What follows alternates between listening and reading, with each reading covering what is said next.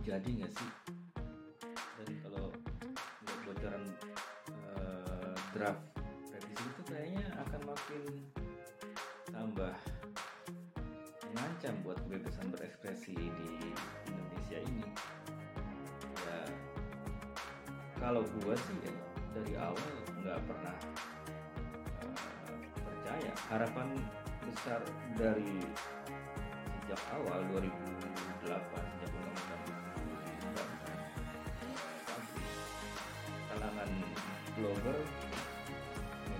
banyak yang menentang. Banyak yang menuntut bahwa pasal 22 itu baik. Eh, dihapus. Namun pada kenyataannya nggak pernah dan revisi 2016 nggak begitu berarti korban atau orang-orang yang dipenjara hanya karena berekspresi di sosial media tetap banyak direvisi lagi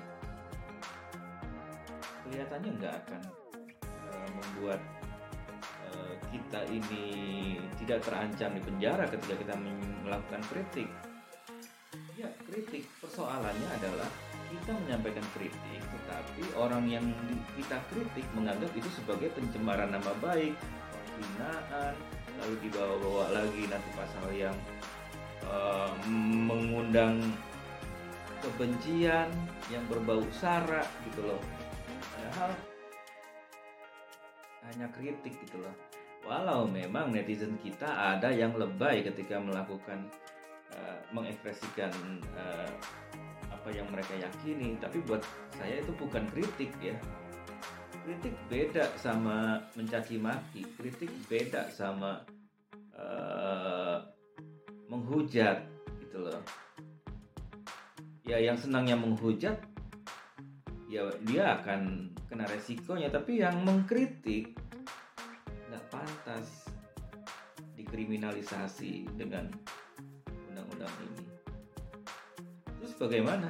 Ya tetap kita belajar meningkatkan literasi digital kita bagaimana menulis yang baik bagaimana mengkritik yang baik.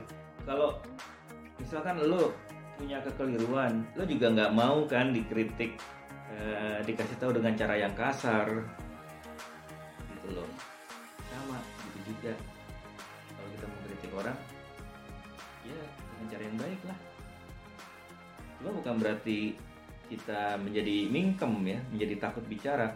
Kita harus tetap bebas berbicara bebas beropini bebas berpendapat. Karena itu penting